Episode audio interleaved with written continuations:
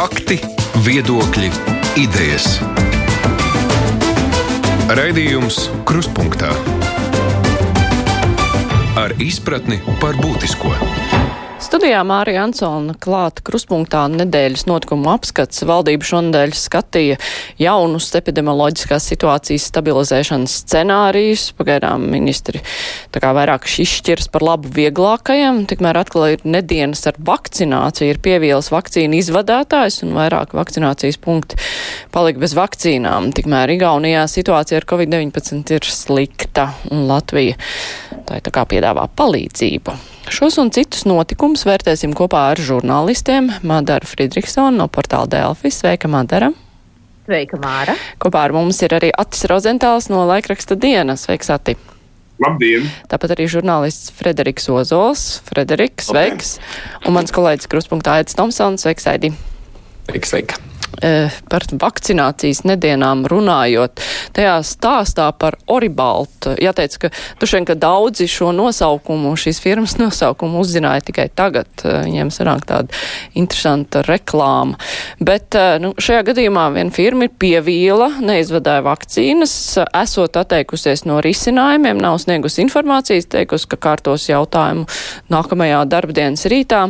No viņiem valdība, nu, veselības ministri ir pateikusi, ka meklē citu piegādātāju. Premjers ir ieteicis uh, domāt par armijas iesaistīšanu, bet kopumā vai šis stāsts uh, nebiedē ar to, ka, nu, kamēr mums ir tik maz vakcīnu, mums jau ir radušās problēmas. Kas notiks, kad būs daudz vakcīnu un kad būs vakcīnas ar sarežģītāku pārvadāšanu nekā tas ir ar AstraZeneku, kur ir vajadzīgas šīs te lielās temperatūras.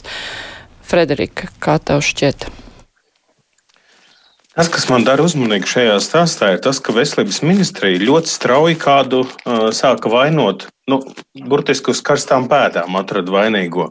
Un tad es sāku prātā virpināt atpakaļ Un, un es domāju, visu šī gada laikā mēs redzam šo pašu modeli. Nodrošinājums ar personiskiem aizsardzības līdzekļiem, masku iepirkums.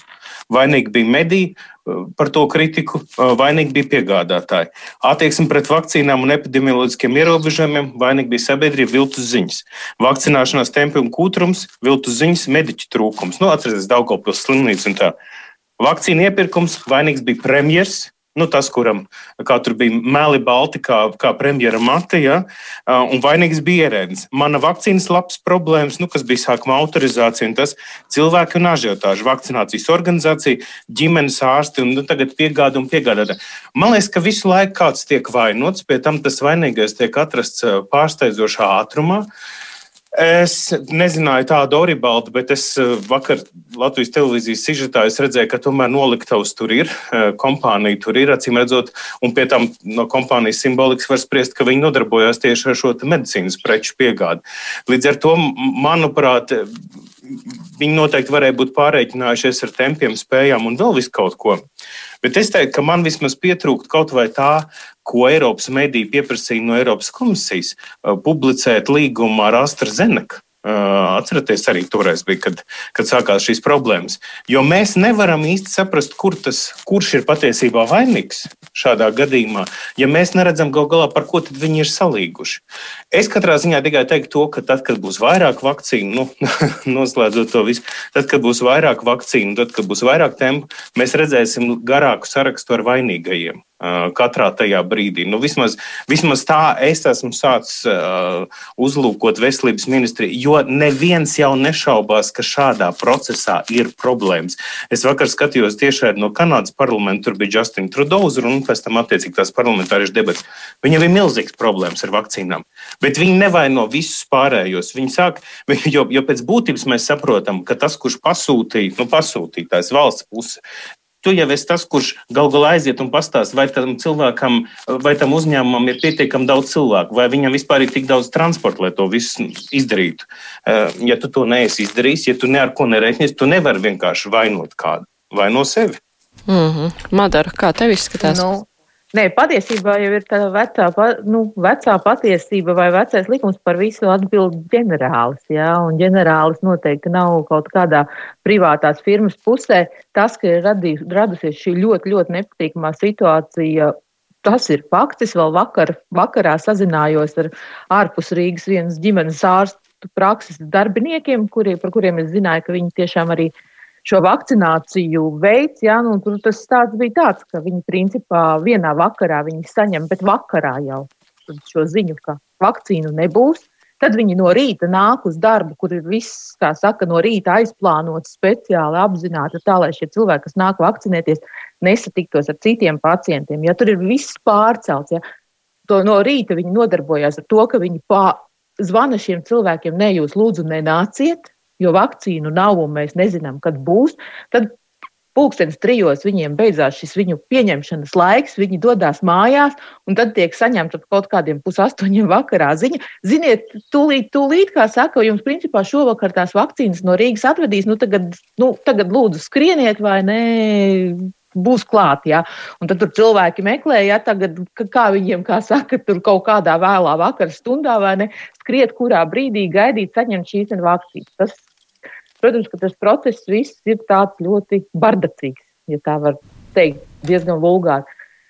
Tajā brīdī, kad nāk šīs lielākās vakcīnas, nu, ja, mēs, ja mēs domājam, ka mēs varam strādāt uh, vakcinācijas birojā vai, vai veselības ministrijā, mēs droši vien būtu startējuši konkursos jā, un, un mēģinājuši tur iekļūt. Acīm redzot, mēs tā tā nedomājam, ka mēs varam strādāt un organizēt šo vakcinācijas procesu tas, ko mm. man šķiet, ka būtu jāizdara šiem procesa organizētājiem. Viņiem vajadzētu atcerēties, ka veselības aprūpes sistēmā patiesībā šīs loģistikas operācijas notiek katru mīļu dienu. Katru mīļu dienu tiek vēstas dažādas medikamenti uz dažādiem Latvijas reģioniem. Tostarp tiek vēsti arī lietas, kurām ir vajadzīgas šīs specifiskās uzglabāšanas temperatūras, tur, teiksim, nu, kaut kādas saldētas, tur asins komponentu masas un tam līdzīgi. Nu, pajautājiet tiem cilvēkiem tajā liepājā, tajā valmierā, tajā daugaupilī, kuri patiesībā dien, dienā šos visus procesus organizē. Sakiet, lūdzu, kā jūs to darat, vai ne, kā, kas jums to nodrošina, vai ne, kā jums tas viss tā kā notiekās tā, vai ne, ka gadu gadiem neviens nav pamanījis, ka būtu šausmīgas problēmas, piemēram, no Rīgas uz Daugaupili aizvest tur kaut kādus asins komponentus, ja, vai kaut ko tam līdzīgu. Tas taču visu laiku notiek. Tad nu, jā, ir cilvēki, mm -hmm. kuri zina šos procesus, kuri zina apmēram, kā tas viss ir organizējams, tā kā, lai nebūtu kaut kādu nu, neiedzīgu pārāvumu, lai nu, nu, jautājiet tiem, kas zina. Nu jā, nu, es starp citu tieši Delfos arī lasīju šī te Oribalta skaidrojumu par to, kāpēc šāda situācija ir radusies. Nu, viņi skaidro, ka tas konkurss, kur viņi tika izvēlēti, ka tas notika pietiekoši vēlu, nu, tas piegādātājs tika uzzināts un uh, nu, vismaz es no tā visa kopīgā tad eh, secinu, ka laikam tiem vakcinācijas punktiem tās vakcīnas tika apsolīts ātrāk nekā bija zināms skaidri, kā tad viņas tiks piegādātas. Nu, Jā, un cik es saprotu, arī tas stāsts vispār par to, ka, nu, vismaz tā viņu versija tāda, ka ar viņiem ir slēgts līgums par uzglabāšanu, Jā, tas respektīvi atnāk šī partija, viņi viņu uzglabā, un tikai pēc tam viņi ir uzzinājuši, ka viņiem arī loģistika ir jānodrošina. Jā, nu, kas, protams, ir kā saka, ja tas tā atbilst patiesībai, jā, nu, tad tā ir. Nu, tā, tas ir pilnīgi jauna funkcija, par ko viņi vispār nav bijuši nolīgti, kur šis process nav nezinu, saskaņots, apdomāts un tā tālāk. Nu jā, bet ja mēs atgriežamies arī pie tā, ko Frederiks teica, ka būtu pirmkārt ļoti interesanti redzēt tieši par ko ir vienojusies veselības ministrija un konkrētā firma. Un eh, tad eh, uzreiz arī rodas tas jautājums, vai veselības ministrijas reakcija, jo tā reakcija bija tāda uzreiz, eh, nu, uzsverot, ka piegādātājs ir atteicies no risinājumiem, ir uzsvērts, ka ir spēj, gatavs komunicēt tikai nākamajā dienā. Nu, tas viss bija tā ļoti nu, skaidrs, ka kurš ir sliktais šajā stāstā nu, pēc veselības ministrijas atspoguļojuma. Kas tas tāds īsti ir, vai tas ir mēģinājums no sevis novelt atbildību, vai, nu, nu, normāla komunikācija. Ati, kā tev šķiet? Es domāju, ka nu, manā rīcībā arī ir tikai tas, ko es esmu lasījis uh, Letā un citur. Uh, tas, kas man liekas jocīgi no šī uzņēmēja puses, uh, ka viņi bija tie, kas pirmie parakstīja to līgumu. Tad viņi teica, mēs jau nesaņēmām no otras puses, to līgumu saulēcīgi, tāpēc mēs nebija, nebija parakstīts, tāpēc mēs neko nedarījām. Uh, ko tad jūs, draugi, parakstījāt? Un tas jautājums, ko Federiks uzdeva sākumā, ir leģitīms patiesībā no abām pusēm. Mums ir jāredz, gribētu zināt, ko tad, kas tad bija rakstīts. Ja tur bija konkrēti datumi un konkrētas darbības, kas jāveic šajos datumos, tad šis uzņēmējs uzņēmās šo lietu, un tad vairs nevajag pīstēt par to. Ja tur nebija konkrētu datumu, tad jautājums, kas tas par līgumu un kāpēc tāds ir jāparaksta. Uh, būtu ļoti interesanti saprast, uh, kas tajā līgumā ir. Jo, jo tagad izklausās tā, ka viņi runā tā, drusku, katrs drusku viens par meitu, otrs par māti. Uh, kāds tas līgums saturs bija? Nu, Madara, tu saki, viņi nezināja. Tad, nu, tas ir tas, ko viņi saka. Jā, viņi bet, nezināja. kā jūs varējāt parakstīt līgumu, par kur, kur jūs nezināt? Uh, vai kā jūs varat pēc tam vainot par to, ka jūs to nezinājāt, ja tur tāda nekā nebija iekšā. Tur ir kaut kas tāds ļoti, ļoti nepatīkams tieši šajā dokumentu apritē, ka tur nav skaidrs, ko tad kurš uzņēmās un ko tad kurš no kur iedomājās. Man liekas, ka ir vēl viena lieta šajā stāstā par to, ka nebija laika, nu, ka pienāca ziņas pārāk vēlu un, un tā kā teica, ka nākamajā dienā un tā. Uh, nu jā, nu mums jau tā kultūra ir eh, kaut kā ieviesusies, ka visi domā tā, nu, mēs ar jums tagad eh, kaut ko sarunāsim. Eh, tas nekas, ka nekas nav parakstīts, jūs tik sāciet kaut ko darīt, tad jau jūs izdarīsiet, un tā tālāk, un tad mēs to līgumu piesūtīsim pēc tam. Un šeit, cik es saprotu, tad ir šis uzņēmums bijis tādās pozīcijās, ka kamēr tas līgums nav atpakaļ parakstīts, tikmēr viņi īpaši daudz neko nedara, kaut nolaitīvas ir un tā tālāk. Nu, ļoti interesanti tā, tā situācija ir tāda, ka mm, visticamāk, ka tur ir kaut kāda arī komunikācijas kārtējā, 1001. komunikācijas problēma visā šajā vakcinācijas epokā. Mm. Aidi, kāds tev ir kopiespējas radies par visu šo? Vai tev ir skaidrs, skaidra nostāja? Tad, kurš ir vainīgais, atbildīgais. Nē, nu, ka neko jau vairāk tur nepateikšu. Pilnīgi noteikti ir skaidrs, ja mēs gribētu to redzēt, tad mums jāredz šie dokumenti. Droši vien var izņemt ārā to daļu, kas ir komerc noslēpums, lai mēs varam redzēt, par ko ir līguma lieta un par ko ir savukārt nu, tā sakot, saucamais līguma priekšmets.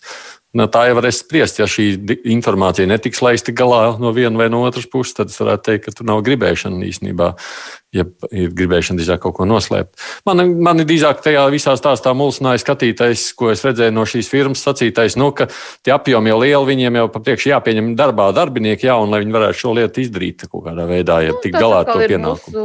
Valstī ļoti, ļoti tipiski. Jā, bet kā, nu, kā tu vari noslēgt līgumu? Dara pieteikties konkursā, zinot, ka tev, tev nemaz nav jaudas, un tad pēc tam tu meklēsi darbinieks, lai šo jaudu palielinātu.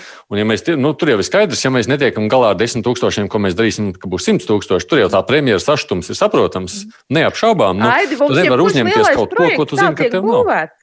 Un jebkurš lielais nu, projekts tā tiek būvēts, ka no sākuma kaut kas tiek nosolīts, pēc tam tiek meklēti mm -hmm. apakšu uzņēmēji, pēc tam, nu, kā man ir cilvēki teikuši, kas par iepirkumiem dažādiem. Zinu, viņi saka, ka nu, pa slavenajā SS portālā beigās, ja tur tiek lasīti kopā, nezinu, šajā gadījumā varbūt šoferi, ja citā gadījumā tur kaut kādi celtnieki un tam līdzīgi. Nu, tā nu jā, nu jā, bet nu, kas nozīmē tā, tad nu, ir jau skaidrs tādā sacītajā, ko sacīja uzreiz sākumā Frederiks, tas nozīmē, tur jau bija kādam vispār jāpārbauda, vai tā firmai vispār jaudas no, kaut ko tādu darīt. No, mums ir nozīmē, ja mēs bijuši šajā ārkārtas situācijā, un it īpaši veselības sektorā, kad vajadzētu kaut ko kādam ierēdnim pārbaudīt, uzdot kaut kādus jautājumus, piegādātājiem kaut kādus dokumentus pārbaudīt, un tas nav noticis. Nu, jau šeit pieminētais individuālās aizsardzības līdzekļu iepirkumos jau mēs to pašu redzējām, jā, kad tur uzņēmums paņem, teiksim, par trim miljoniem, kā saka, kaut kādas līgumus saslēdz, pēc tam viņš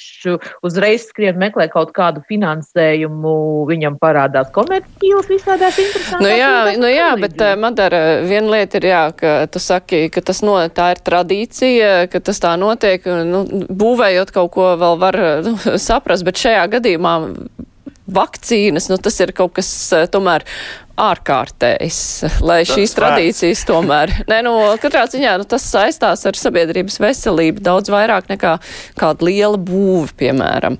Nu, bet nu, no šāda viedokļa, protams, tad ir saprotams, ja viena firma uzņemas kaut ko un šādā situācijā, kad visas valsts uzmanība tam ir pievērsta augstākajā līmenī, netiec galā, nu, tad skaidrs, ka tev ir jānodeg. Nu, tad tev ir jānodeg. Tu Nu, esi jā, bet- uzņēmies to, ko tu nevari Bet- tikt galā. Bet es Jā, gribētu bet nu, piekrist. atkal ka- būs šis jā. ierēdnis, jā, kurš principā viņš, ko tad, ko tad viņš skatījās? Viņš jau tad acīm redzot arī neuzdeva Nu, jau. firmai Jā, šo arī tas, jautājumu, vai jums ir kapacitāte Jā, pacelt šo, protams. cik jums ir to šoferu, cik jums to ir mašīna. Es nezinu, ko, kas tad ir bijis arī konkursu dokumentācija, jo mēs neesam lasījuši, ja Nu. redzējuši, ko tad tie ierēģi vispār ir vērtējuši vai nē. Jā. Jo ta, tas ir nu, tas, ko Madara saka. Tas jau arī ir tas patiešām ārkārtīgi būtiskais jautājums.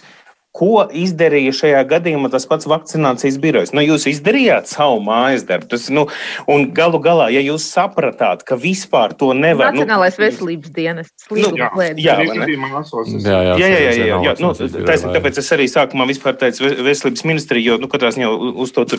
Un otrs, Jūs saprotat, šī te tendence, ap citu arī veselības jomā, ir izteikti raksturīga. Atceramies stradiņas slimnīcas būvēšanu. Nu, ja mēs tā ņemam, man pat tiešām ir tāds priekšstats, ka ļoti bieži mēs, eh, tad, kad mēs šos konkursus vispār valstī sludinām, tā ir patiešām tradīcija ne tikai uzņēmē darbības pusē. Mēs, galvenais ir sākt. Pēc tam jau mēs kaut kā visi kopā to lietu nokārtosim. Un mēs nezinām, vai tajās sarunās, kas bija ar uzņēmēju, jo viena lieta ir līgums. Latvijā ļoti bieži juristi ir aizrādījuši, ka mūsu līgumi ir ārkārtīgi plāni. Nu, mēs patiešām zinām arī vairums līgumu, ko mēs paši slēdzam. Mums pat mājokļa līgums ir ārkārtīgi plāns. Kamēr ārzemēs tas ir centimetros, var mērīt šo līgumu, kur ir atrunāts visas iespējamās situācijas un detaļas. Mums ir ļoti daudz, mums ir šī um, mutvārdu kultūra raksturīga. streekt.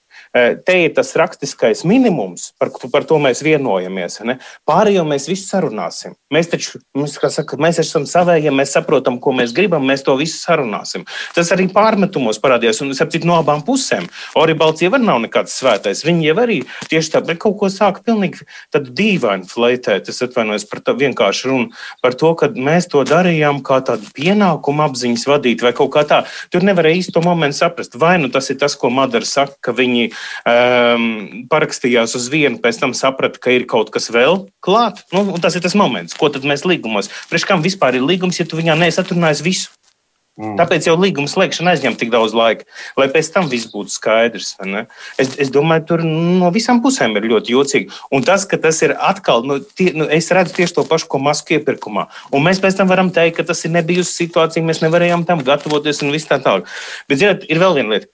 Ja pat aizsardzības ministrija pasaka, ka viņiem, lai šo plānu B vispār īstenot, nu tā ziņa, kas vakar parādījās, vajadzēs mēnesi, lai to saplānotu.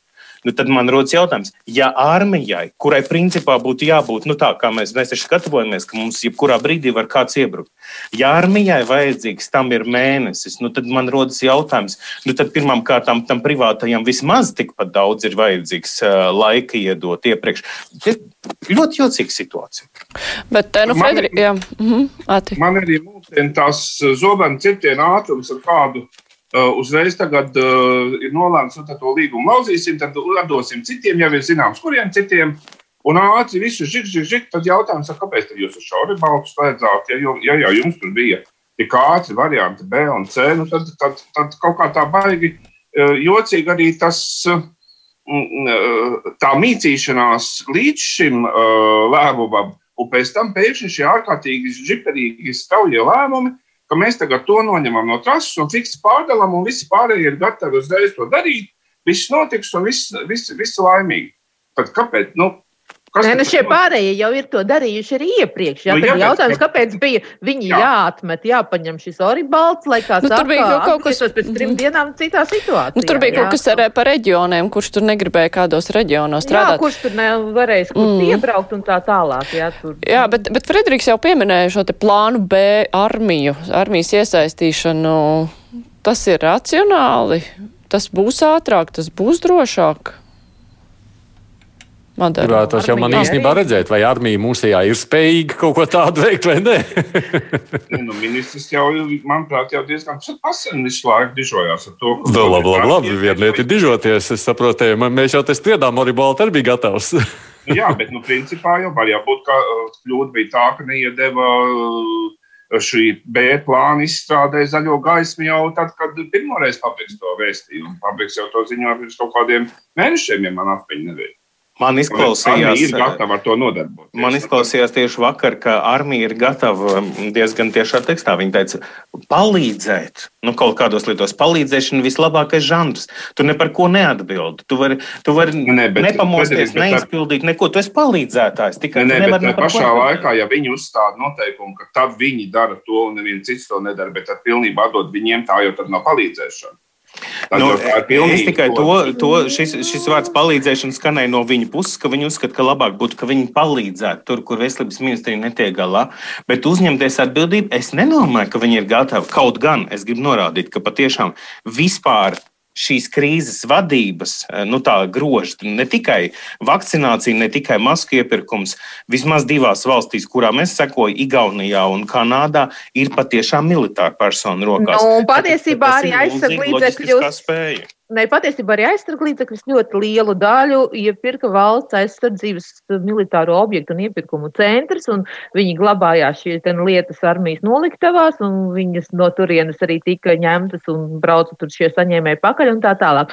Nu, un arī neteikšu, es godīgi, nevar, godīgi sakot, es nevarētu teikt, ka šie iepirkumi būtu bijuši ārkārtīgi daudz vairāk sekmīgāki, jo, piemēram, šie paši slavenie atsauktie respiratori ir tie, kurus kalta beigās nopirka šī aizsardzības ministrijas struktūra, un tā arī īsti nevar saprast, cik tālu viņi ir atrisinājuši un neatrisinājuši kaut vai šo lietu ar šo nederīgo respiratoru savākšanu atpakaļ un rēķinu piestādīšanu uzņēmējiem. Jā, bet uh, uz visa tā fona mm, tā ziņa, ka Latvija varētu palīdzēt Igaunijai, protams, ne jau vakcinācijas procesā, bet, uh, nu, uh, mēs esam tādi, mēs izskatāmies, kuri spēj palīdzēt Igaunijai. Jo arī slimnieku atgādāšana, nogādāšana, tas ir sarežģīts process. Jā, nu, tiešām tas būtu nepieciešams. Tas nu, patiesībā ļoti... mums ir zināma pieredze vest orgānus uz startu universitātes slimnīcu transplantācijām no Latvijas. Nu, nav jau tā, ka patiesībā Latvija un it sevišķi Latvija uz Igauniju, ja, ir, ir jau bijušas kaut kādas šīs slimnieku pārvešanas, orgānu pārvešanas un tam līdzīgas lietas. Bet es jau saprotu, ka te jau vairāk ir stāsts par to, ka tās varētu būt kaut kādas gultas vietas, jā, kuras Šobrīd mums stacionēto slimnieku skaits ir sarucis. Jā, Igaunijā viņš pieaug tā, ka ir liels aizdoms, ka tūlītās viņas nebūs kur likt. Nu, tad šīs gultas vietas uz kādu laiku ar kādām gultas vietām varētu izpalīdzēt. Jā. Sava loģika tur ir kaut vai no tā viedokļa, ka, ja mēs esam uztaisījuši tik gultas vietas priekš Covid-19 slimniekiem, cik mums šobrīd viņas ir, tad viņas pārprofilēt atpakaļ uz kaut kādiem vispārējiem terapeitiskiem vai kādiem profiliem. Droši vien, ka nu, nebūtu racionāli, kamēr pandēmija pie mums pašiem nav beigusies. Uh, tā lieta, kas varētu, par ko būtu jābūt uzmanīgiem, mēs zinām, ka patiesībā ļoti liela daļa šo Covid-19 pacientu slimnīcā pavada ļoti ilgu laiku. Jā, un ja no mums tie pīķi pavēršas kaut kādos pretējos virzienos, tad tur ar tām nobīdēm, nu, tur kā saka, jārēķina stingri vai ne, jā, jā, jāmēģina būt kaut ko modelēt, kas notiek pie viena otra saslimstības scenārija vēl Latvijā. Lai nav tā, ka mēs laipni paņemam no Igauniem, teiksim, 50 pacientus, jā, un pēc divām nedēļām zvanam, brāļi Igauņi savāciet lūdzu savus pacientus, tagad mums pašiem vajag. Nu, Frederika, kādas tavas pārdomas saistībā ar palīdzības piedāvāšanu? Vispār Latvija ļoti mīl simbolu diplomātiju. Nu, simbolu diplomātija tas ir, protams, pilnīgi leģitīma. Nu, tāda kultūras diplomātijas forma, protams, arī to starp. Bet um, es domāju, ka šis bija tāds simbolisks žests un varbūt līdz galam uh, visu neizdomājot. Tas, tas mērķis bija galvenokārt uh, mūsu, nu, mūsu auditorija, bija tā mērķa, mērķa auditorija. Jā, varbūt ar, arī Igauniem, Igauni, ļoti, nu, Igauni to patiešām ar cieņu un tā skaļu un lieliem virsrakstiem arī savos medijos uh, izstāstīja un atstāstīja. Bet tajā pašā laikā ir atšķirība, uh, nerunājot par tiem, um, par tām atšķirībām nu, infi, inficēšanās līmeņos, tagad vai kaut kādos citos posmos, bet ir atšķirība tajos mirstības rādītājos. Tur, protams, arī ir jautājums, cik viņi ir objektīvi un cik, cik kas ko aptver. Un Igauniem ir bijis labāk. Un, um, es, es pieņemu, es neesmu lasījis Igaunijas satversmi, bet tieši tāpat kā mūsu satversmē ir rakstīts, ka valsts aizsargā cilvēku veselību un garantē vienam medicīniskās palīdzības minimumu, es pieņemu, ka Igaunijas satversmē ir tieši tāpat. Un jūs redzat, nu, te būs tam ļoti jāpaskaidro, kāpēc Igaunija, kurā ir kopumā labākas slimnīcas, nu, patiešām, nu, es pats esmu dzīvojis Tartu, es tāpat, es tā atļaujos uzskatīt, un arī reģionālā slimnīca, kāpēc to aizved savu cilvēku, savu nodokļu maksātāju, pieņemsim uz Valmieru. Nu, vai uz kurien tu viņu aizved? Ja? Un, un ja viņš tur nomirst, Un, un, un tad tev paliek tas jautājums, nu, kāpēc viņš nesaņēma palīdzību savā, savā valstī, kur ir labāka medicīna. Ir vieglāk, tad, kad tu ved cilvēku uz valsti, kur ir, nu, tā kā saka, acīm redzam, labāka medicīna, nu, kā piemēram Somijā. Un kļūst šaubīgāk, ja tu ved, ved nu, pretējā virzienā. Nu, nu, no Igaunijas nu, skatījuma eh, tas nu, ir pretējais virziens. Nu, it kā jā, bet ja viņiem nav kur likt šos pacientus, tad eh, tas ir labāk nekā. Es saprotu. Nē, es saprotu, es domāju, jebkurā gadījumā, ja, ja ir tā situācija tāda, nu, ka patiešām stāv rindā mašīnas un, un cilvēkiem ir jāmirst un nav, un nav nepagaidu hospitāls uzstādāms nekas, jo atceramies, ka Igauni bruņoties spēki ir ļoti labi uh, finansēti un bija labāk finansēti nekā pat mūsējie. Un viņi li ir likuši pagaidu hospitāli, tad, kad mm. Sāremā bija šis milzīgais uzliesmojums pavasarī, kad Sāremā bija tāda praktiski viss, nu, tā kā šīs salas bija vissmagāk skarta, tad arī šis pagaidu hospitāls bija patiesībā tur uzlikts. Tie, tie, tieši tā. tā kā, ja, ja visi vaģi trūkst, ir ļoti labi, ka mēs to pateicām. Un, protams, ka mums viņš ir jāpieņem. Un tepat nav arguments, nu, kad mums neatradīsies vieta savējam. Mums var neatrasties vieta savējam, un mums to pārsteidzoši bieži skandināja mediķi un, un veselības resoru pārstāvi, uh, ka tajā brīdī, kad mums būs ļoti daudz pacientu, mums pašiem nepietiks vietu savējiem, pašiem savējo dēļ. Tā kā tur vairs nav atšķirība. Vai tev tur guļ brālis, Igaunis vai kā. Un tad, tad jau, nu, ja visi risina visu, tad, tad visi risina visu. Un gan jau, ka viņi arī mūsējos paņems, jo viņi arī līdz šim nav atteikušies glābt mūsu cilvēkus vispār savā pusē. Mm -hmm. Aidi. Es kaut kā uz to visu skatos tā ļoti vienkārši. Varbūt es tur nemeklēju nekādas zemūdens akmeņus. Manuprāt, nu kā normāla rīcība, normāla atbilde. Ir skaidrs, ka kaut kādā situācijā, ja kādi tev kaimiņos mirst, tad, tad nu, tu saproti, ka viņiem tur viss triķi trūks, un tev ir mazliet labāka situācija. Nu, ir skaidrs, ka tur ir jāpalīdz. Man pat liekas, tas nav svarīgi, vai tā ir Igaunija, Lietuva vai tā ir Krievija. Ja, ja, ja, ja situācija būtu ļoti līdzīga, piemēram, Pleskavas apgabalā, nu, kāpēc ne mēs nesniegtu kādu palīdzīgu roku? Un es pat domāju, ka visticamāk Pleskavas ārsti līdzīgi rīkotos varbūt arī ar Latviju. Tā kā es domāju, tas ir ļoti normāli cilvēciski. Tā tam ir jābūt. Šādās situācijās ir jābūt solidaritātei. Mm -hmm. Jā, protams, ka tas ir lielā mērā tiešām labās gribas žests tas, kas man liekas interesanti, eh, ka gadiem ilgi eh, notiek diskusija starp Igauniju un Latviju, ik pa brīdim to aktualizē par to pierobežu situāciju gan pretējā virzienā, ka valks iedzīvotāji gribētu izmantot valdes slimnīcu, kas viņiem ir liekts, un turpat ir līdz tam tā pakāpē, ka ir jautājums, ja tu salauz kāju, vai tev nevajadzētu pārklibot pāri uz Igaunijas pusi, lai tev aizved uz Valgu, nevis uz Valmieru. Tas ir tālāk. Eh, un tur vienmēr tiek skaidrots, ka tas ir ļoti sarežģīti juridiski izdarāms eh, abu valstu līmenī un tā tālāk. Protams, ka Covid ir force majeure situācija un tur ir savādāk. Bet ir jautājums par to, vai tad šī eh, savstarpējā juridiskā problēma izzūd. Viņa jau neizzūd, bet acīm redzot, nu, tādu viņu varētu piespiest kaut kādā veidā darboties. Cita lieta, ka cik man ir zināms, tad um, parasti ir tā, ka, nu, ja tā plūsma iet, slimnieku plūsma no Latvijas, kā būtu risks, ka ietu uz Igaunijas pusi, tad Latvijas puse nav ieinteresēta zaudēt savus, mm, uh, nu, teiksim, šos te gadījumus un, un, un noslēgt savā slimnīcās, un tāpēc viņi tā kā saka, kāpēc mums ir jāfinansē Igaunijas veselības sistēma. Tagad mēs runājam par pretējo virzienu. Eh, bet, eh, bet tas, ka tur nu, būtu jārisina arī tīri valstu līmenī, kaut kādā līguma līmenī, eh, tas jau nav atcelts. Tas noteikti to būtu jādara. Cita lieta, ka, protams, ka šī situācija varētu, nu, varbūt pat aktivizēt šo procesu, un pēc tam mēs varētu sākt runāt vispār par šo pārobežu sadarbību. Mm. Katrā ziņā Igauni savukārt labi novērtēja šo mūža žestu, bet uh, pagaidām jau var teikt, nu, pagaidām tiekam galā, tā kā varbūt jau arī līdz tam nemaz nenonāks. Es atgādināšu klausītājiem un televīzijas skatītājiem, ka kopā ar mums šodien nedēļas notikumus pārunā Madara Friedrichsona no portāla Delfa, Ats Rozentāls no laikraksta diena, žurnālists Frederiks Ozols un mans kolēģis Kruspunktā Aidis Tomsons. Raidījums Krustpunktā. Par uh, epidemioloģiskās situācijas stabilizēšanas scenārijiem uh, šonadēļ parādījās tie divi lielie scenāriji. Tur bija A un D. Pa vidu nebija smalkāk izstāstīts.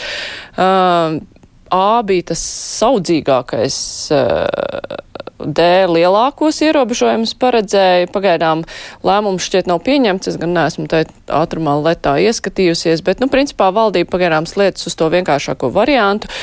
Uh, tur runājot par attālināto darbu, bija minēts, ka visi strādā attālināti. Uh, Uh, kam ir iespējams, bet ar iestādes vadītāju atļauju var strādāt arī klātienē. Un, principā, nu, tas ir tas, kas notiek arī šobrīd. Uh, principā šis te variants A, tas uh, ar kaut ko būtiski atšķirās uh, no, no, no tā, kas vispār ir šobrīd. Jums ir skaidrs, nu, tagad šie scenāriji, uz kuriem uh, mēs varētu iet, ja tur saslimstība sasniedz tādu, tādu, tādu līmeni, Madara. Uh scenāriji, kādi viņi ir uzlikti, ir tādi, godīgi sakot, ka es abas divas lasot, tā kā lasīju un stingri mēģināju domāt līdzi, ar ko tas viss atšķirās. Un, un dažos, daži, daži ir tie gadījumi, kur tiešām ir nu, tā kā ne, ne pārāk viegli uztverams šīs nianses, un tās nianses bija tas, par ko vajadzēja vienoties vakar, un kas beig, beigās pārnestās uz šodienu, jo nespēja vienoties. Nu, nu, Tā, dažas lietas, kas bija skaidrs, bija tas, ka bērnu dārza būtu pieejama tikai tiem, kuriem tad, nu, ir tas attālinātais darbs pilnīgi neiespējams, ja, bet uh, cik tālu tur, kā saka, tā ir iestādes vadītāja interpretācija. Tas arī tā kā vēl man īsti netapa skaidrs. Uh, Cik es saprotu par sabiedriskā transporta piepildījuma samazināšanu, arī šobrīd nekāda vienošanās nav un ir tā tāda nostāja no šiem pārvadājumu organizētājiem, ka īsti to nodrošināt nevar. Un es arī tā kā īsti nesaprotu, kā tieši notikt. Un labi, 30% var noteikt kā normatīvu. Protams, ka, teiksim, Ventspils autoostā var pārdot 30% eh, biļešu, teiksim, reisā uz Talsiem vai uz Rīgu. Ja? Tas ir skaidrs, jā, un tad neņem nevienu pa ceļu. Bet kā tieši to varētu nodrošināt? Es nezinu, kaut tas pats pasažieru vilciens, tad, ja viņiem ogrē sakāpi, teiksim, 30% noslodzi, tad viņi vairāk nevienā citā stacijā nestājās vai apstājās, bet nevar durvis vaļā un nelaiž cilvēkus iekšā, jo tad tas noslogojums tiks pār, pārsniegts jo vilcienu jau nav ko papildus palaist. Nu, tur bija ļoti daudz tādu arī neskaidru, neskaidru nianšu, kuru tā kā īsti saprast nevarēja. Kas attiecās uz attālināto darbu, es īsti nestādos priekšā, kā tiešām notiks šī kontrole vai tie cilvēki, kuriem, jo ir ļoti, daudz, patiesībā ir diezgan daudz dzirdēts par to, ka cilvēki iet uz darbu un iet uz darbu nevis tikai tāpēc, ka viņiem tur būtu tā, tā socializēšanās nepieciešama vai vēl kaut kas, jā, bet viņi iet tiešām uz darbu, tāpēc, ka darba devējs uzskata, nu, ka ja tu nesēdi savā darba vietā pie sava datora šeit, tad tu nestrādā acīm redzot vispār. Ja? Nu, bet man gan jāteic, ka arī ministri, kā saka, nekādu ļoti labu piemēru attālinātā darba jomā mums vismaz otrdien nerādīja. Skatījos vairākas stundas, šo valdības sēdi tiešraidē, nu, un diezgan nepārprotami lielākā daļa ministru atradās savā darba kabinetā, nevis savās mājās. Nu jā, ne, ne, es uh, esmu tā iemetus aci, tepat uh, mūsu apkārtnē ir kaut kādas biroja mājas, visas stāvvietas ir pilnas, ielas ir pilnas, un, uh, nu, nav ilūzija, ka šie biroji, acīm redzot, uh, es nezinu, ja kāds arī tur strādā attālināti, bet, nu, nekas īpaši par to neliecina, bet vai vispār nu, bez tāda. Nu, ja, ja ir vienkārši ar iestādes vadītāju atļauju var uh, pateikt, ka šeit būs attālināts vai neattālināts darbs, vai tas vispār var kaut ko Jā, mainīt no, no pašreizējās? Nē, bet kas arī to kontrolēs? Nu, valsts darba inspekcija šobrīd arī strādā attālināti. Nu, tātad šie ten, uh, valsts darba inspektori, viņi nestaigās acīm redzot pa birojiem ar jautājumu, vai tiešām tur, nezinu, Andrim ir jāatrodas uz vietas, un viņš šo prezentāciju vai atskaiti nevar gatavot mājās. Nu jā, bet nu, tādā gadījumā tad ir vai attālinātā darba ierobežošanai, tad ir jānāk komplektā ar pārvietošanās ierobežojumiem, acīm redzot. Nu, lai uz ielas var paprasīt, Nē, nu, uz kurien tu ej. Nu, bet tad jau, principā, kā saka, tad jau arī šie cilvēki, kuri nevar strādāt attālināti, būs. Nu, nu kā, kā, tad, kā tad tajā gadījumā patiešām noteiks, vai šim cilvēkam šodien, kas tad policistiem rādīs šīs darba devēju kaut kādus izstrādātos rīkojumus? Tā kā komandants stundas laikā. Tur jau viss bija vienkārši. Jā, tas ir pilnīgs lockdowns. Tad tas jau nav šis scenārijs, tad tas ir cits scenārijs. Tieši tā. Es domāju, ka ši, šeit tiešām ir ļoti staipāms šis jēdziens, ko nozīmē eh, ar atļauju vai bez atļaujas. Jo eh, nu, ideāli tiešām arī mums, teiksim, redakcijā ir vairāk cilvēku, kuri iet uz darbu un raksta uz vietas, tāpēc ka viņiem nav eh, portatīvo datoru vai, vai citu veidu datoru mājās. Viņiem ir šis redakcijas dators, kur, uz kuru viņi strādā, un viņi tur ir. Nu, Tātad viņi šo atļauju varētu saņemt. Um, bet, uh, bet kurš tad to tiešām izsvērs, ieradīsies un uzdos jautājumu, kāpēc jūs šeit atrodaties? Nu, cilvēks atbildēs, tāpēc, ka man nav citas darba vietas, man ir tikai šī iespēja. Nu, kur tad tagad ies uz māju un pārbaudīs, vai viņam īstenībā nav portatīvais dators mājās? Nu, mm, tas tā kaut kā, jo, jo, jo nu, protams, arī, te, arī tajās mājasēmniecībās, kurās ir šis dators, bet ja viņš ir jāatdod bērnam, kuram ir attālināti jāmācās, nu, tad tas pieaugušais pie tā datora arī nevar strādāt. Nu, cik dators mēs, mēs varam katrs atļauties? Un katra darba vieta arī nē. Nu, ja mēs tagad runājam tikai šajās datoru kategorijās kaut vai. Bet izsvērt to, kurā brīdī kurš ir ārkārtīgi nepieciešams, mm, nu, tas, kas attiecas uz birojiem, es nezinu. Jo arī šis, te, tad, kad parādījās šis te, mm, skaļais uh, gadījums ar šo meģņa uzsaukumu saviem darbiniekiem, mēs jau arī konstatējam, ka līdz šim viņi ir gājuši klātienē. Jā, nu, tur vispār nav nekāda objektīva iemesla. Tur nav bijis. Jā, un tad viņš teica, nu, tad, kad būs lockdown, tad sapēcieties tur visu, ko, ko sapieties, un tad strādāsim attālināti. Bet pirms tam tas nenotika. Jā, nu, Tā kā, ja, ja tagad vienkārši ir no sērijas, ka darba devējs izlēma, vai tas cilvēks ir vajadzīgs uz vietas vai nav, es domāju, ka milzīga atšķirība tur noteikti nebūs. Bet tad, uh mhm. -huh. Mums jau arī līdz šim, piemēram, redakcijā mums ik pa nedēļai burtiski izsūta atgādinājumu, ka jūs varat nenākt, tad nenāciet. Un, ja jūs nākat, tad ievērojiet to, to, to, uh, distances maskas, dezinfekciju un tā tālāk. E, mums tas teiksim, visu laiku tiek atgādināts, ka strādājiet, cik varat attālināt. Bet tajā pašā laikā nu, ir kolēģi, kuri o, nevar strādāt attālināt, kuri iet uz vietas. Tādu cilvēku ir ļoti maz, bet tādi ir. Bet tad principā sanāk tā, ka piespiedu attālinātais darbs Latvijā nebūs iespējams, ja neieviesīs pilnīgu lockdownu.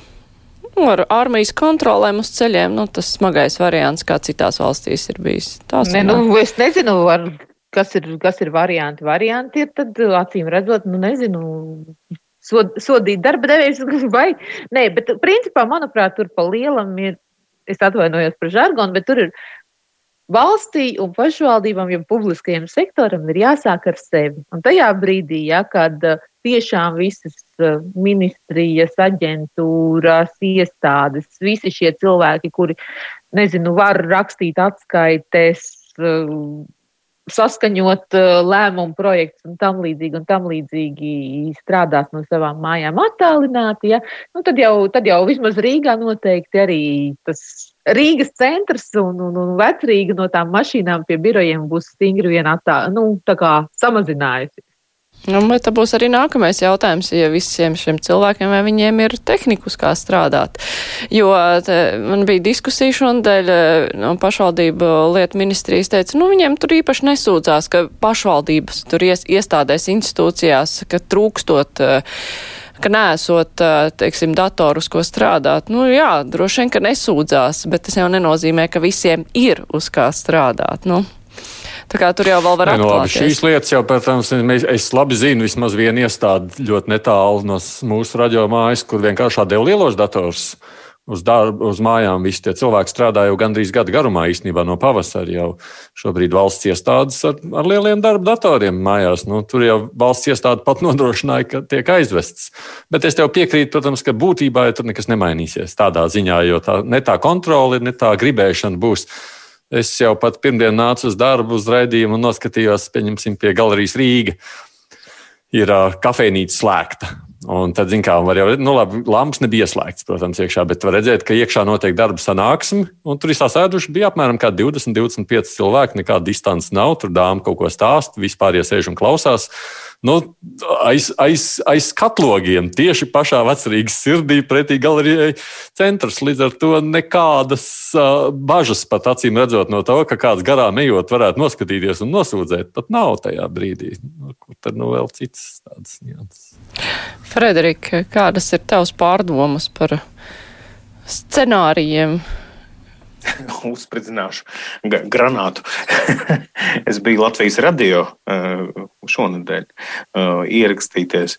Un es domāju, pirmkārt, kafejnīca strādāja, saprotu, ka it kā tajā režīmā, kur var paņemt, bet turpat uz vietas arī. Uh, Viens vai divi cilvēki sēdēja, bija, bija tāda maza stūrīte, sev at- atbrīvojuši un sēdēja.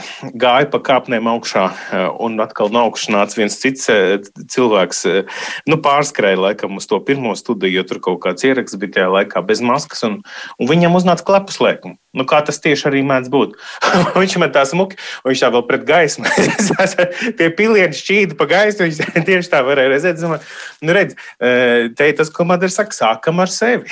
jo, jo tās lietas viņš jau ir ļoti mazas. Mums, mēs, mēs paši sev liekamies eh, svētāk par Romas pāvestu. Bet patiesībā tās kļūdas, kas tiek pieļautas, tās jau ir nemitīgi. Piemēram, vakar skatījos ASV tāds izglītojošs maza multinīte bija par vīrusu ierobežojumiem, jo tur ir cits tas, cits tas ceļš, es tūlīt to paskaidrošu. Tur, piemēram, ir viena elementāra lieta - kāpņu telpa. Kāpņu telpā, ja ir gājis cilvēks tieši pirms tevis un nošķaudījies vai noklapojies, šie sīkie pilieni ļoti ilgu laiku turās gaisā. Un mēs zinām, ka tas, ko mums pagājušajā gadā martā teica, tā vairs nav taisnība, ka ļoti strauji viņi nosēžās un ka divu metru attālumā nekas tev vairs neķer. Viņi ļoti ilgi turpina, uh, turpina cirkulēt gaisā. Tātad pat tādā veidā var inficēties. Nu, nemaz nenāk, tur bija uzsvērts, uh, kas saka, superinficēšanās notikums, piemēram, ir tas pats sports, kur aktīvi elpo. Uh, Man tepat, jā, tas ir brīvā dabā, bet stundām spēlē futbolu uh, vietējā skolas stadionā ar visu sniegu. Viss tas ļoti, ļoti eleganti izskatās. Ja? Es domāju, divas lietas. Pirmām kārtām, un te Madara ir absolūti taisnība, ja nav kontrols, un kontrols nav, jo galu galā atbildīgā institūcija pati ir uh, mājasēdē, tad, uh, tad, ja nav šīs kontrols, nu, tad, tad nevajag smīdināt ar tiem ierobežojumiem. Tie visi ir papīra ierobežojumi. Tas, tas, tas uh, nekas nenotiek. Otrām kārtām ir uzņēmēji un uzņēmumi un pat valsts iestādes. Es arī pagājušajā gadā dienā strādāju, kur attālinātais darbs vēl ar vienu tiek uzskatīts kā bonus darbiniekiem ar visiem par spīti visiem rīkojumiem. Uh, tad atkal ir ļoti daudz situācijas, kur tas nav iespējams. Medmāsas, sanitāri, sociālajie aprūpētāji, reģistrātori, poliklinikā. Ir, ir ļoti daudz cilvēku, kuriem ir jābūt uz vietas klātienē, un mums arī ir jāsaņem šie pakalpojumi. Un, un tas, ap citu, par tiem pašiem sabiedrisko transportu. Domāju, Nu, ļoti jauki. Galapunktā uh, mans 40. autobus piesēdīsies par 30%. Uh, Sastajā pieturā no galapunkta medmāsai ir jātiek uz viņas mājiņu, un, un ko viņai tagad darīt? Nu, tas, tā vietā, lai, piemēram, parūpētos, ka patiešām katrs vadītājs ir iedarbinājis ventilāciju. Par spīti gadu laikam, bet tieši tā tas arī notiek ārzemēs. Ja? Nu, mums ir, ir vēl viena lieta. Tai visā tajā komunikācijā mēs visu laiku esam, mēs koncentrējamies uz aizliegumu. Aizliegumam ir jābūt. Bet svarīgākais ir paskaidrot, kāpēc ir šis aizliegums. Ir jāiedod rokās cilvēkiem tie instrumenti un tā sapratne. Un, un tur mēs neesam pietiekami to darījuši. Mēs, ā, un arī, piemēram, ierakstu studijā. Es gāju pa taisno pēc iepriekšējā ierakstītāja. Bet, bet tu taču darbojies tieši tas pats princips, kas mediķa kabinetā ir jābūt šeit, jāizventilē. Tieši tāpat kā viena klase iziet ārā, mums ir jāizventilē nu, skolas, kurās notiek tomēr tas darbs, kurš ir jāizventilē. vislabāk ar to piespiedu caurvēju to principu. Ja? Jāizrauj ārā viss, kas tur ir, un tad tikai var iet iekšā nākamais. Un tas ir ikus, mums ir, jā, mums ir jāskaidro šī lieta. Šī lieta ir nepietiekama skaidrot. Jo, tomēr, ja tā viena lieta bija sākums, kad mums likās, ka tas viss iespējams beigsies ļoti, ļoti ātri. Bet tas turpinās, un mēs redzam, ka turpināsies, un būs jaunas mutācijas, un būs kaut kādi vēl varianti, un, un būs atkārtotas vakcinācijas. Nepieciešams. Vajag cilvēkiem tomēr skaidrot, kāpēc tas tieši ir, lai viņi var arī, lai viņi var arī operēt ar tiem aizliegumiem nu, tā adekvāti, nevis pēc ķeksīšu pēc viņus ievietot, bet pēc būtības. Mm. Man jau liekas, ka tika palaists vienā brīdī garām, ja pagājušajā gadā tas mirklis, kad vajadzēja ļoti precīzi nofiksēt un tiešām daudz vairāk cilvēku iesaistīt tajā, lai kontrolētu, kā tad uh, iedzīvotāji pilda šos ierobežojumus, lai nebūtu šī sajūta, ka ē, nu, nav jau nekas. Cik mums nav gadījumu, kad uh, cilvēki iekāpjot sabiedriskā transportā tikai tad sāk meklēt pa, pa somiņām maskas. Veikalā tieši tas pats. Bez tām maskām neviens uh, viņiem, vai, vai teiksim, mēs bijām liecinieks arī situācijai, ka iekāpa sieviete bez maskas, viņai bija tieši kontrole iekšā, viņa aizrādīja, lai viņu uzliek, un viņa vienas pieturas attālumā, teiksim, kamēr brauca no, no vienas pieturas uz otru, viņa lēnām gārā to masku meklē. Bet tu jau draudziņi esi tajā brīdī bez tās maskas visu šo periodu, un tu tā kā ir, ir centīgs saka elpo. Eh, bet uh, tas, ka ir palaists garām šis mirklis, un arī teiksim, šajos tirdzniecības centros, Jā, tur ir uh, cilvēki, darbinieki, kas stāv pie durvīm ar masku kārbiņām. Jā, tur ir arī tādi, kas staigā un skatās, bet ir milzīgi liels cilvēku īpatsvars, kam joprojām ir pirmās izdevības tā maska izzemtā deguna. Un, un, nu, jā, nu, tā bīstamība tur ir. Uh, to mēs nevaram noliegt. Tāpat mēs teiksim, mēram vidējo temperatūru veikalā, lielajā akropolis maksimā, jā, pie ieejām, mēs stāvam rindās, lai tiktu pie groziņiem, bet neviens jau neskatās, kas notiek, piemēram, dārzeņu nodaļā. Ja, un dārzeņu nodaļā nav nekādu distanču. Un, un, un, un, un, un Tā, tie ir tādi sīki. Tā mēs varētu turpināt. turpināt. Es, piemēram, aizliegtu sabiedriskajā transportā runāt pa mobīlo, jo tas ir tas, kas man visvairāk uztrauc. Es iekāpu iekšā, un tad cilvēks zvana, un viņš, protams, noņem masku, jo ir ērtāk runāt bez maskas. Un man trīs apkārtējā brīdī grib parunāties pa telefonu, noņemot masku. Un tikai tā, ka viņi beidz runāt, tad viņš uzliek atpakaļ to masku un klusē tālāk. Nu, jā, tāpēc, ka cilvēki viņi masku liek tur, acīm redzot, viņi tāpēc, ka vajag, nevis tāpēc, ka viņi saprot, kāpēc to vajag. Bet uh, mums uh, nav daudz laika palicis. Gribēju vēl paspēt par uh, starptautiskiem lidojumiem uz trešajām valstīm, kuri savukārt uz uh, visā šajā kontekstā tiek atvērti. Tas ir pamatoti, prātīgi, neizpratne bija ļoti liela par šo aidi. Tev kaimiņš aizlidoja uz, e taisās uz Ēģipti lidot. Es lasīju Twitter, jau, jau aizlidoja. Nu, Sauļojas jau laimīgi. Nē, nē, nu, šajā ziņā savukārt es sacītu, ka šis ir saprātīgs lēmums. Man liekas, ka tas, kas pietrūkst mums, tiešām ir nevis taisīt tikai tādas nu, ar cirvi tēstas lēmumus, bet patiešām skatīties, kas darbojas un kas nedarbojas. Brīdī, kad tu aizliedz savus lidostas, aiztaisīt ciet, bet kaimiņi ir attaisījuši viņus vaļā. Nu, ir jau skaidrs, un tev, un tev nav aizliegts pārbraukt, pār, pārbraukt ar automašīnu uz Lietuvu vai Zigauniju. Nu, ir skaidrs, ka tie cilvēki to dara. Nu, viņi to dara. Nu, tev patīk vai nepatīk tas, bet tā tas notiek. Šobrīd, kas notiek, cilvēki vienkārši ar mašīnu aizbrauc līdz Viļņai, iekāpj lidmašīnā un lido.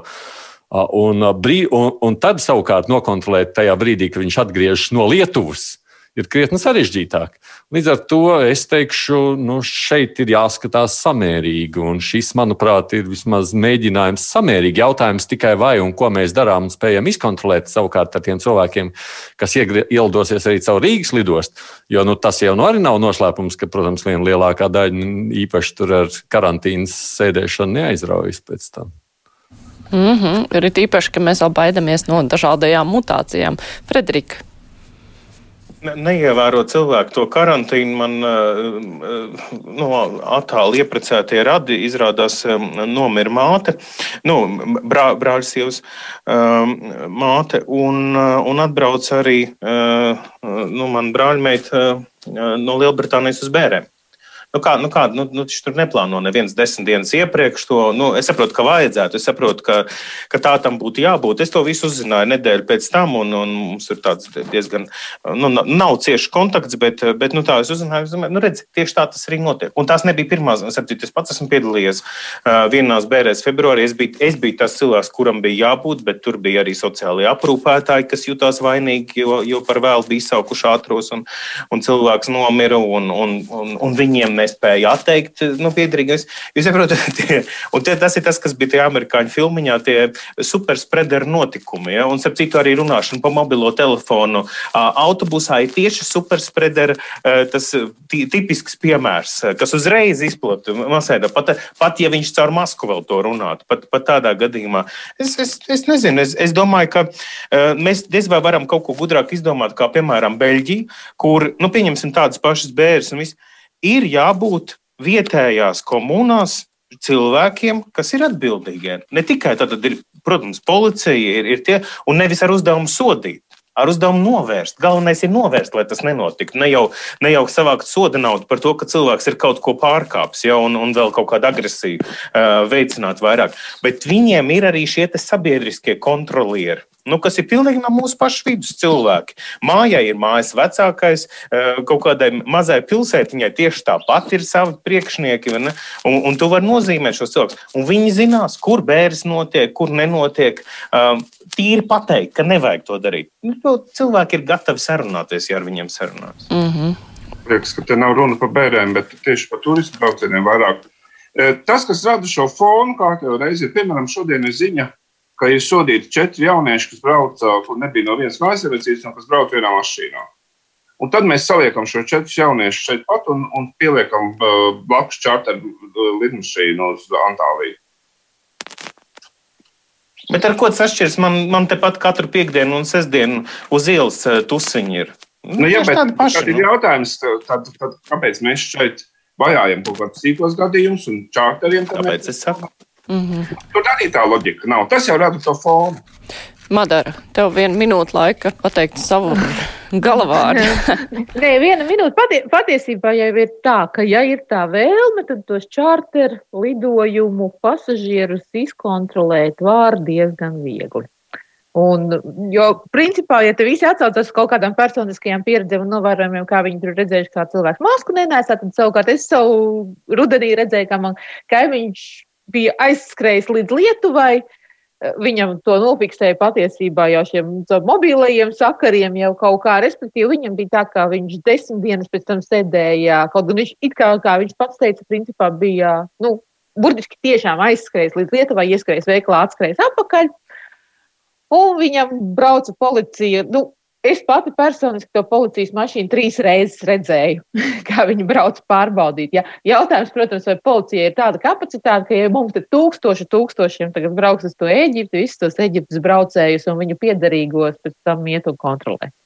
Nu jā, tur jau tā lieta, ka tie stāsti ir tik dažādi, kuru nekontrolē nemaz, kuru kontrolē daudz reizi, un tur nav viss skaidrs sistēma. Tas, nu, tas ir atkarīgs no. Es Nu, tādā vietā dzīvo, liek, kur tāda nodaļa, kas liecina, to var at... Nē, tas droši vien liecina, ka es arī ievēroju mājasēdu un labi redzēju. Jā, un tu visu labi pa logu redzi. Jā, tas gan tagad vērīgie kaimiņi.